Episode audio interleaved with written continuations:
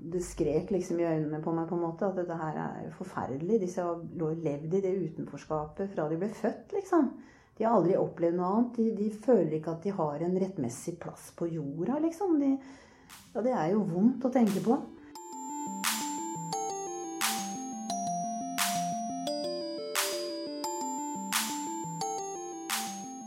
Hei og velkommen til Sykepleiens podkast. Det kan være slitsomt for noen hver å bli forelder, med alt hva det medfører av våkenetter, kaos og bekymringer. Om du i tillegg sliter med rusavhengighet og har levd et liv i utenforskap, så kan det å bli mor eller far fremstå som en nærmest uoverkommelig oppgave. Sykepleier og pedagog Eli Marie Wiig ved kompetansesenteret Korus Sør i Skien hun avla nylig sin doktorgradsavhandling om nettopp rusavhengige mødre som selv har vokst opp med rusproblemer i familien. Dette er en gruppe som mange sykepleiere i ulike deler av helsevesenet kommer i kontakt med, så vi tok en prat med Vig og spurte henne om hva som er de største utfordringene rusavhengige mødre står overfor. Det er jo fortsatt sånn i samfunnet vårt at det er skambelagt å være rusavhengig. Eh, det er eh, de som står lavest på samfunnsstigen. Og hvis man da er kvinne, så kan det se ut som det er enda vanskeligere, og særlig hvis man er mor. Altså Det ser ut som det er veldig stor forskjell på det å være mor og det å være far og være rusavhengig. Altså en kvinne Det ser ut fortsatt som at en kvinne er først mor, mens en, en far er først mann. Sånn kan det se ut i samfunnet fortsatt. Så det er stor belastning forbundet med det å, å liksom knytte moderskapet sammen med skadelig rusbruk. Og nå har du 11.9. Mm. Uh, avlagt din doktorgradsavhandling. Mm. Uh, hvor temaet nettopp er det å være uh, småbarnsforeldre mm. og rusmiddelavhengig. Og mm. Spesielt så har du vel sett på dette med hvordan uh, utfordringene går i generasjoner. Mm. Vi ser i, i, rusinstitusjoner så ser man at uh, over halvparten av pasientene kan fortelle at de har vokst opp i familier med sånne problemer. Og forskningen sier også at uh, rusavhengighet er en av de mest arvelige sykdommene som fins. Så det er en veldig kraftig arvelig faktor her. Hva gjør det arvelig? Ja, det vet man jo ikke. Men, men det er altså en genetisk En ganske stor genetisk faktor. Eh, men da vet vi jo at eh, med genetikk så er det jo sånn at det er en disposisjon man arver, og ikke avhengigheten i seg selv, selvfølgelig. Eh, men, men den er ganske tydelig på rusavhengighet. Men i tillegg så er det jo klart det er en psykologisk og særlig sosiologisk arv. Og den sosiologiske arven, den tror jeg henger mye sammen med skam. Og utenforskapet som disse familiene opplever. Men, men eh, kan du si litt eh, mer konkret om hvordan du har eh, gått fram for ja. å undersøke det her med mm. generasjonsoverføring av, av rusavhengighet? Ja. I og med at jeg jobber på et sånt kompetansesenter innenfor rusfeltet, så har vi jo god kontakt med rusinstitusjoner. Og derfor eh, fikk jeg kontakt og avtale med en stor rusinstitusjon i Norge om å få lov å, å ta kontakt med deres pasienter. Og det er en institusjon som har en egen eh, familieenhet. Hvor eh, rusavhengige småbarnsforeldre blir lagt inn sammen med barna sine. Det går an å bli lagt inn der i svangerskapet. Da er det bare mor som får komme inn. Men når barnet er født, så kommer også far. Eh, så der, på den avdelingen har de mødre og fedre og barn stort sett fra null til ett år. Også noen, noen, litt eldre søsken. Men eh, stort sett er det det første året at de får være der. Eh, så der er det liksom en kombinasjon av det å ta vare på barnet i det veldig sårbare første året. Veldig viktige, grunnleggende første året. Samtidig som en da skal lære foreldrene å bli foreldre samtidig som en behandler rusavhengigheten. Så det er, det er veldig kompleks behandling. Eh, og veldig ofte så er det sånn at de, hvis det er et par, da, hvis både mor og far eh, er med, så er det sånn at eh, stort sett så er de begge to rusavhengige. Og, så de har liksom ingen sånn edru partner å bygge noe på. Og ofte så har de ikke vært edru sammen. Altså de har truffet hverandre i rusmiljøet og aldri levd et, liksom et, et vanlig liv da, uten rusmidler. Så bare det å være kjærester uten rusmidler er jo noe helt annet. Så det er en veldig kompleks og omfattende behandling. De mødrene som jeg fikk snakke med, jeg intervjuet alle de hadde på en stor rusenhet altså, i, i løpet av halvannet år, som stemte med inklusjonskriteriene. Dvs. Si at de hadde vokst opp i familier med rusproblemer. Og det var ni. Det var ikke mer enn ni i løpet av halvannet år. Så det var det jeg klarte å få. Men av de ni så var det bare to som hadde da en, en partner med seg i behandling og ut fra behandling etterpå. Mens alle fortalte at partneren var rusavhengig. For da kommer vi litt inn på de uh, ekstra utfordringene som følger med. Nemlig at man Det er jo uh, krevende å, å bli småbarnsforeldre. Eh. Mm. Men ofte så har man jo folk å støtte seg på. Mm. Det er veldig viktig poeng. Og man har en, eh, skal vi si, en oppvekst som man kanskje har lært av. Mm. Man har lært hvordan man oppdrar ja. barn gjennom oppveksten. Ja. Jeg fant vel at de kvinnene hadde liksom fem store utfordringer som de sto overfor. For det første så skal man jo da bli mamma. Med manglende rollemodeller. Fordi disse her hadde jo vokst opp i familier med rusproblemer. Noen av de hadde kanskje noen år som ikke var så aller verst liksom, i oppveksten, men de hadde mye eh, store mangler når det gjaldt hva det vil si å være en god forelder. Så hvem skulle de ha lært av, ikke sant? I tillegg så har du dette selvfølgelig med å bli, bli rusfri, som er jo en Det vet vi at det er en stor jobb, og det er vanskelig å få til. Eh, det er jo, det er jo ikke noe, som, det er ikke noe fix med det. Og i tillegg så, så skulle man da bygge et nytt sosialt nettverk. Altså det vil si at uh, disse mødrene de måtte jo fjerne seg fra Distansere seg både fra kjærester og fra familien sin fordi de fortsatt var i rusmiljøet. Og så står de igjen veldig alene. Og vi vet jo bare det å være alene med et lite barn er jo vanskelig nok. Og når man da har eh, ekstra utfordringer, så er det, det er ganske heavy. Og i tillegg så hadde alle disse mødrene hadde jo svære traumer fra barndommen som de trengte behandling for, rett og slett. Og så til slutt så er det jo dette med å bli liksom en del av samfunnet og bli integrert i samfunnet, for disse har vokst opp i utenforskap. Det skrek liksom i øynene på meg på en måte at dette her er forferdelig. Disse har levd i det utenforskapet fra de ble født, liksom. De har aldri opplevd noe annet. De, de, føler ikke at de har en rettmessig plass på jorda, liksom. De, ja, det er jo vondt å tenke på. Disse må jo distansere seg fra kjæresten og fra foreldrene sine, kanskje. Ikke sant? Altså fra nærmeste familie, som ellers er de man lener seg på når man får barn selv. Selv er jeg jo nå i bestemoralder, så jeg har jo sett hvordan det er for uh, unge mennesker som selv om de er to ressurssterke foreldre, så trenger de hjelp. Så disse mødrene som da står alene med såpass dårlig ryggsekk liksom, til å, å, bære det, de trenger jo sosialt nettverk. Og hvordan skal man bygge et sosialt nettverk? Eh, og da har jeg jo intervjuet Jeg spurte mødrene om de hadde noen som de tenkte kunne støtte dem når de flytta ut fra institusjon. Eh, og hvem var deres nærmeste som de liksom kunne regne med ville være der for dem. Eh, og alle klarte etter hvert å peke på liksom én som de trodde de kom til å få støtte av. Og så intervjuet jeg denne personen. Hvilke, ja, hvilke, personer var det? Var det da deres egne mødre, eller var det partner, eller var det andre? Mm. Det var eh, To av de hadde jo partnerne sine eh, med i behandling, så for de to så var det jo partneren som var den nærmeste. Så jeg intervjuet to partnere. To pappaer. Eh, og så var det Ellers så var det mødre og storesøstre. Noen av disse hadde jo da vært rusavhengige selv, men alle var nå rehabiliterte. Eh, men i alle fall det som ble veldig tydelig, var at disse relasjonene de hadde tålt utrolig mye belastning.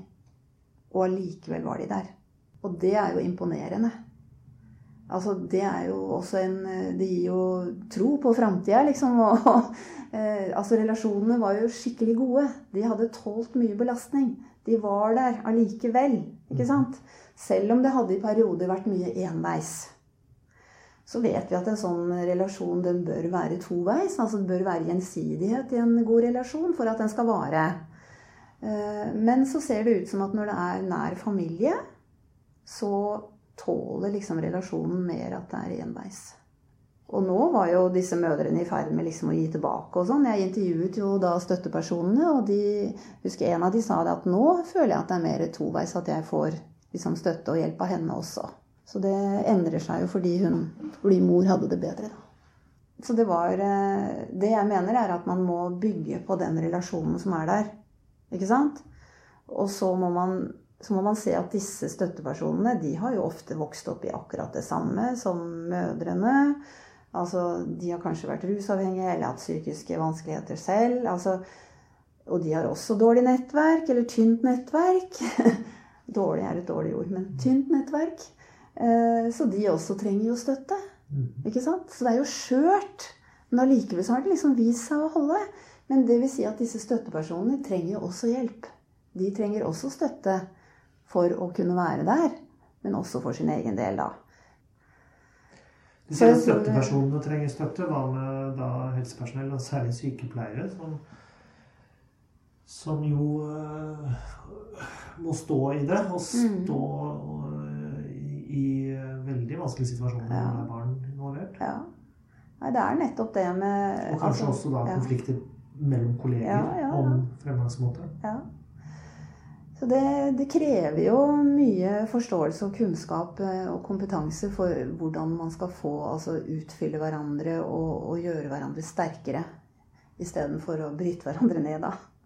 Eh, så, så, det kreves et godt, tett, tverrfaglig samarbeid, tverretatlig samarbeid og et godt, tett og trygt nettverk på arbeidsplassen din, ikke sant? For at du skal kunne klare å stå i dette her, hvor man har systematisk veiledning. Det tror jeg er helt nødvendig for at man skal kunne klare å stå i det. For ellers så distanserer vi oss, vi sykepleiere òg, ikke sant? Altså når det er så store utfordringer mm. for disse kvinnene, så tenker man få barnet ut av det mm. skadelige miljøet, inn i fosterhjem. Mm. Det er jo den muligheten vi har i Norge da, med det hjelpeapparatet vi har her, de gode helse- og omsorgstjenester, at vi har muligheten til å legge inn mor i institusjon med en gang vi blir oppdaget at mor er gravid. Eh, sånn at barnet får den beste starten. Mhm. I Norge har vi jo til og med denne tvangshjemmelen. Dvs. Si at man kan eh, tvangsinnlegge en gravid mor dersom dersom man vurderer at barnet er i fare. Altså fosteret er i fare for å få skade. Det er altså en stor diskusjon, dette her med barnets eh, rettigheter. I, altså Barnevernet er jo under en stor revisjon nå. Og det handler jo om dette med barnets beste, da. Hva som er barnets beste.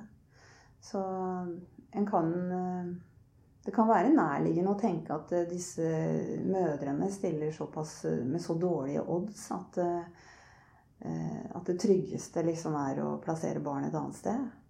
Samtidig må vi huske på at det finnes mange ulemper knyttet til å fjerne barnet fra foreldrene sine. Det er jo mange historier om at det, om at det ikke har vært Altså at det ikke har vært uproblematisk å bli plassert i fosterhjem.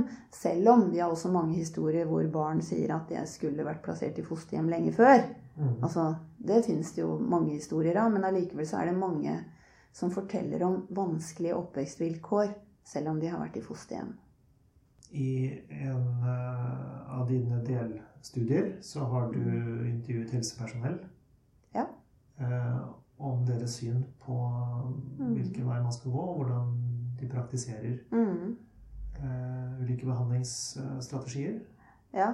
Jeg har intervjuet de terapeutene som jobber ved, ved denne institusjonen hvor jeg intervjuet kvinnene. For, for, nettopp å ha den linken at det skulle være det samme stedet, da. Så for å høre hvordan de så på sin oppgave.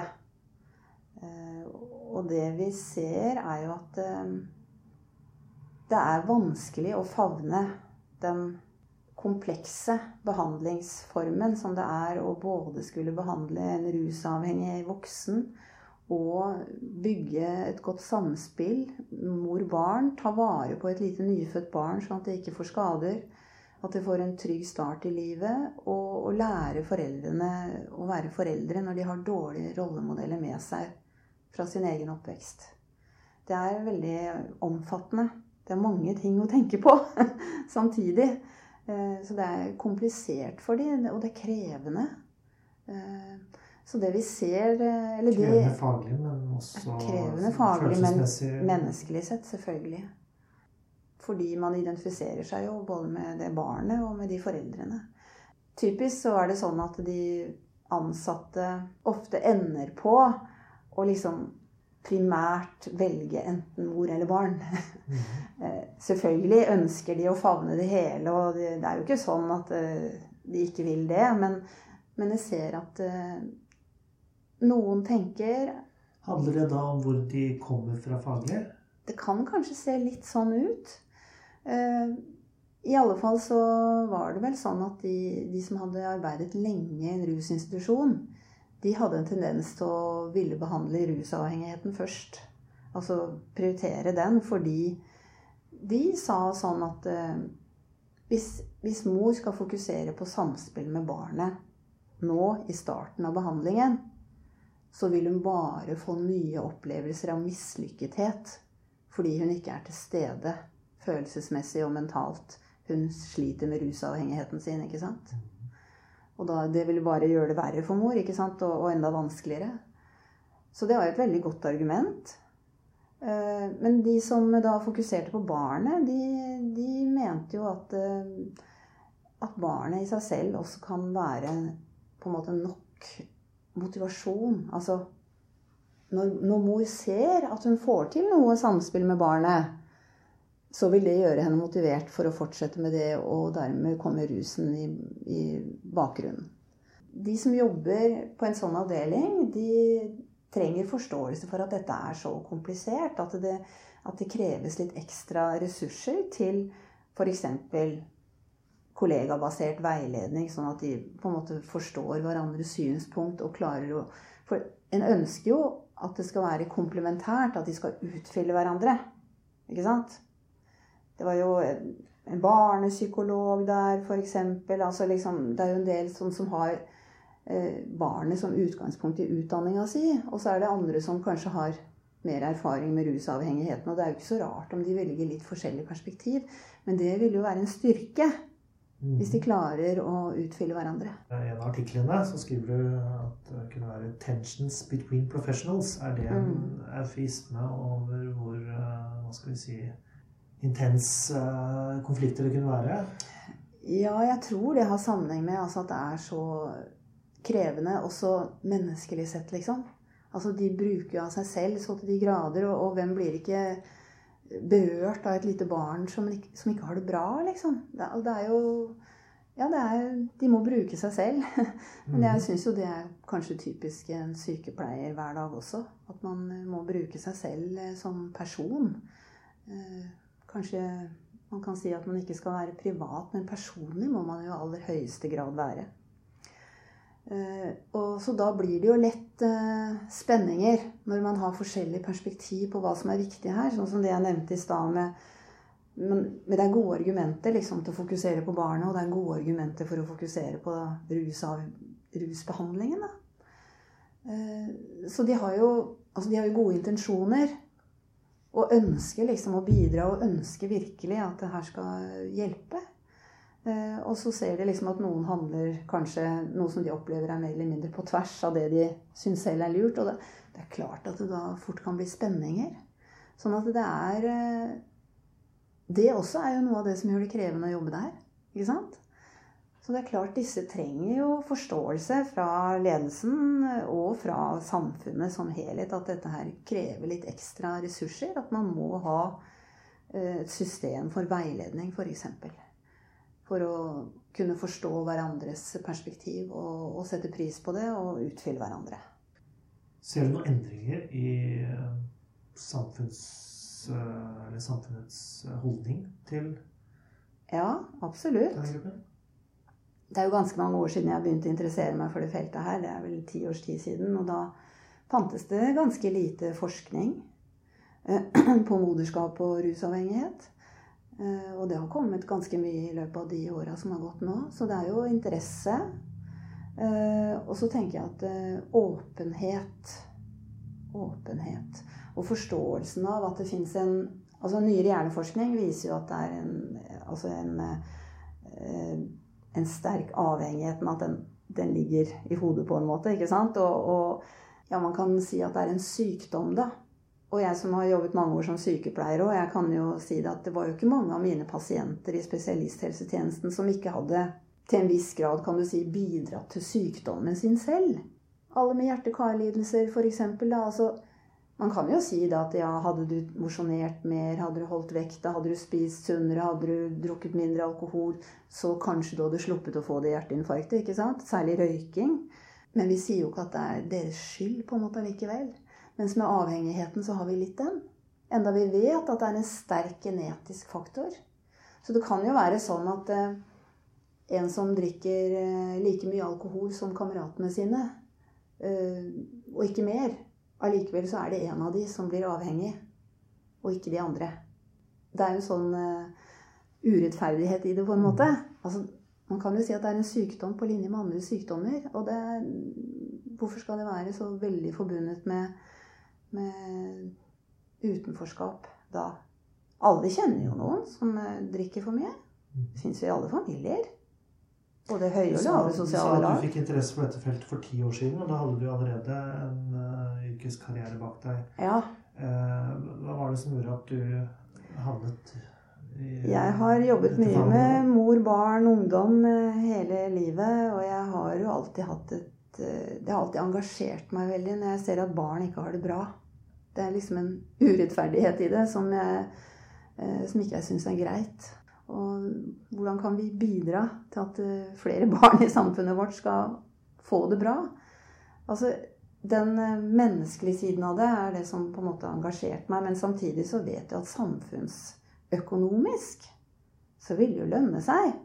Det vil jo lønne seg veldig klart. Selv om vi setter inn tett behandling over en del år. Ja, det er dyrt å holde seg med rusmisbrukere i et samfunn. Ja, det er det. Det er mye, det er mye helsehjelp. Mm. Og det er mye kriminalitet. Og det er mye dagpenger. Altså det er mye Hvis man ikke kommer i jobb, så koster jo det samfunnet enormt. ikke sant? Så det er i tillegg til all den lidelsen det påfører. ikke sant? Både, en ting er den ene som er rusavhengig, men alle de rundt. Mm alle de rundt, som også egentlig trenger behandling. Mm. Det har vi jo begynt å få forståelse for nå. Man hører om den problematikken, så man blir litt fortvilet over hvor komplisert og vanskelig det er, og hvor mange mm. utfordringer som er. Har, har, du sett noen virkelig uh, hjertevarmende, lykkelige utfall? Ja, og det som jeg har lyst til å si i den forbindelse, det er at det slo meg jo hvor, hvor utrolig sterke og modige mange av disse kvinnene var. For de hadde jo da hatt fryktelig dårlige odds vokst opp i utenforskap og hatt veldig mye dårligere muligheter enn det mange av oss andre har. Og allikevel så var det jo flere som sa det veldig tydelig at da jeg forsto at jeg var gravid, da ville jeg bare. Og noen klarte å slutte helt på egen hånd. Selv om de hadde levd hele, altså helt fra de var 14 år eller noe sånt nå, i, med rusmidler, klarte de å slutte før det ble lagt inn. Fordi de ville spare barnet sitt. Altså, det, var, det, var, en som sa det veldig tydelig. Hun hadde vært litt sånn av og på. Og hatt uh, liksom noen kortere rusfrie perioder. Da. Men uh, så hadde hun en sånn rusfri periode akkurat da hun fant ut at hun var gravid. Og så sa hun at ja, da var det noe helt annet. For da gjaldt det ikke bare meg. For ellers så begynte hun jo alltid igjen. Men nå var det jo helt annerledes. Det var noe helt annet. Mm. Nå som det gjaldt et barn. Og det var en som fortalte at hun, hun hadde jo hatt eh, mange tunge psykiatriske diagnoser. Og vært tvangsinnlagt i psykiatrien og, og, brukt sterke rusmidler. Så hadde hun på egen hånd klart å i hvert fall trappe ned det tyngste rusmisbruket sitt. Hun brukte nok fortsatt både vanedannende medikamenter og, og cannabis. I tillegg til alkohol. Så hun var jo rusavhengig fortsatt da hun ble gravid. Men hun ble jo frarådet av barnevern og sosialtjenesten og familie og alle rundt henne at hun kunne jo ikke bli mamma. Det var jo ikke bra, liksom. Så hun ble jo liksom rådet veldig tydelig til å ta abort, og, og det, da mobiliserte hun altså noe veldig selv. Hvem er de som kan vite det? Mm. sa hun til meg. Hvem, er, hvem var de? Det var det jeg sa til meg selv. Hvem er de som vet dette her, at jeg ikke kan? Hun sa at hun hadde liksom isolert seg en periode og bare grublet og tenkt på dette her, liksom. Og så hadde hun bestemt seg. Så hadde hun slutta på egen hånd. Og så hadde hun søkt om innleggelse og hjelp. Og hun eh, tror jeg faktisk har klart seg bra, altså. Det Man kan jo også se for seg at eh, de som har vokst opp i et hjem med mye rus og mangelfull omsorg, når de selv skal bli foreldre, vil tenke at jeg skal i hvert fall ikke Ja, ja. gjøre samme feilen som mine foreldre gjorde. Mm. Og jeg skal Mm. være verdens beste mor. Ja. Og det er jo en naturlig tanke, og, og den tanken ligger jo der alltid. Og som hun, den mammaen her sa, da Jeg må jo holde ungen min unna foreldrene mine, for jeg vet hvor mye kaos det fører med seg. Å være i nærheten av de. Og hun hadde jo f.eks. Eh, veldig tungt fokus på dette her med rutiner og forutsigbarhet eh, i hverdagen til barnet. For det hadde hun ikke hatt selv. Ikke sant? Så hun hadde liksom noen veldig tydelige tanker om hvordan hun skulle gjøre ting annerledes.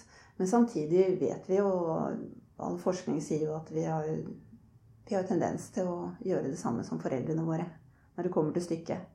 Det var en annen mor som, eh, som sa det på den måten her. Hun Når ungen min eh, protesterer og ikke gjør som jeg sier, liksom, hva skal jeg gjøre da?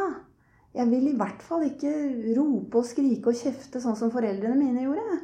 Men jeg vet ikke hva jeg skal gjøre isteden. Og veldig mange av disse mødrene jeg intervjuet, hadde jo fryktelige historier om barndomsopplevelser som var så fæle at du helst ikke vil vite at noen barn opplever sånt. ikke sant? Dramatiske ting. Og en sa det jo veldig tydelig at jeg, jeg vil jo ikke at barnet mitt skal oppleve sånne ting. Mm. ikke sant? Men samtidig så vet de ikke helt hva de skal gjøre isteden. Nei, og hva er det de lærer da i denne eh, Når de er innlagt på sånn institusjon? Mm. Hva, hva er det viktig å lære? Mm. Det de fokuserer aller mest på det, Dette er jo første året i barnets liv som regel, så det er jo foreldrerollen til et spedbarn. Og det vil si det er mye sånn tett samspill og det å forstå barnets signaler. ikke sant? Og så lærer man også eh, litt vanlig husholdning. Altså vaske klærne sine, holde huset Ja, altså det er klart det er helt nødvendig, ikke sant? Mm. gå og handle.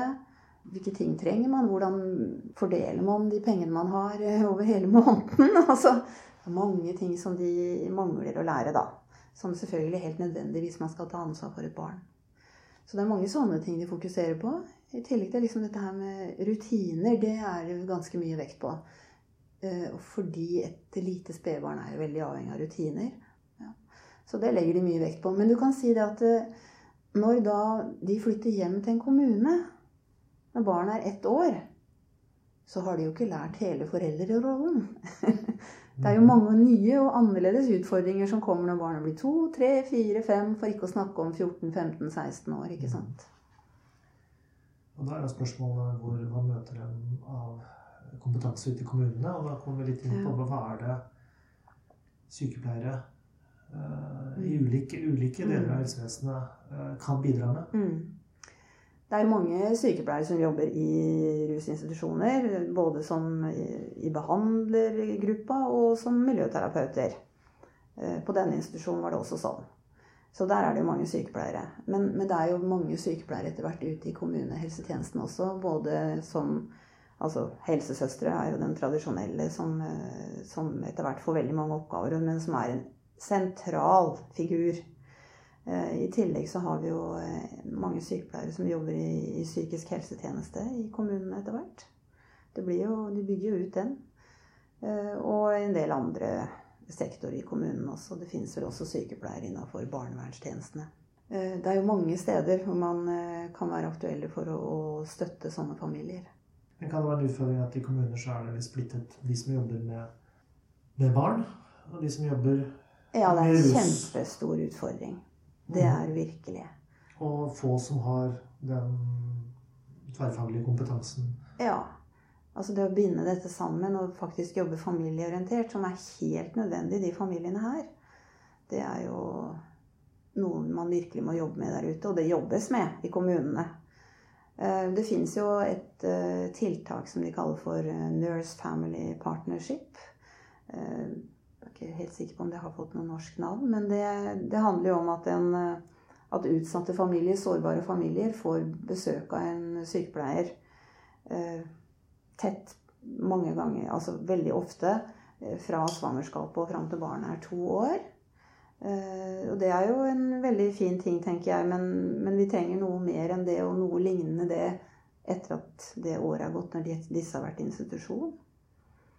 Og i tillegg så Altså, man trenger jo rollemodeller for foreldrerollen. Og man trenger å lære seg vanlig husholdning, ikke sant. Hvordan drive et hus og hjem. Og i tillegg så må det jo gode ordninger til sånn at man skal kunne skaffe seg utdanning og, og, jobb. Altså Uten utdanning i vårt samfunn i dag, så er det jo ikke lett å få jobb. Og hvordan skal man skaffe seg utdanning når man har et veldig dårlig utgangspunkt og er alene med barnet? Det er en utfordring. Vi vet at det er vanskelig nok eh, om det er to foreldre og tett nettverk rundt. Men, med men disse trenger eh, kanskje lengre tid. En litt annen problematikk. Jeg ser du trakk fram i det var vel en rapport om Borgestadklinikken at, at veldig mange av de som tvangsinnlegges, da dreier det seg om bruk av illegale mm. rusmidler, samtidig som alkoholmisbruk er. Ekstra skadelig for uh, fosteret. Ja.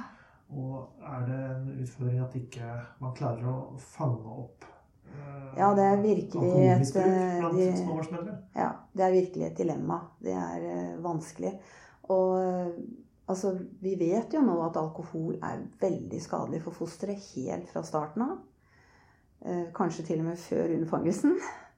Eh, og allikevel så er det jo nesten aldri noen som blir tvangsinnlagt pga. alkoholbruk.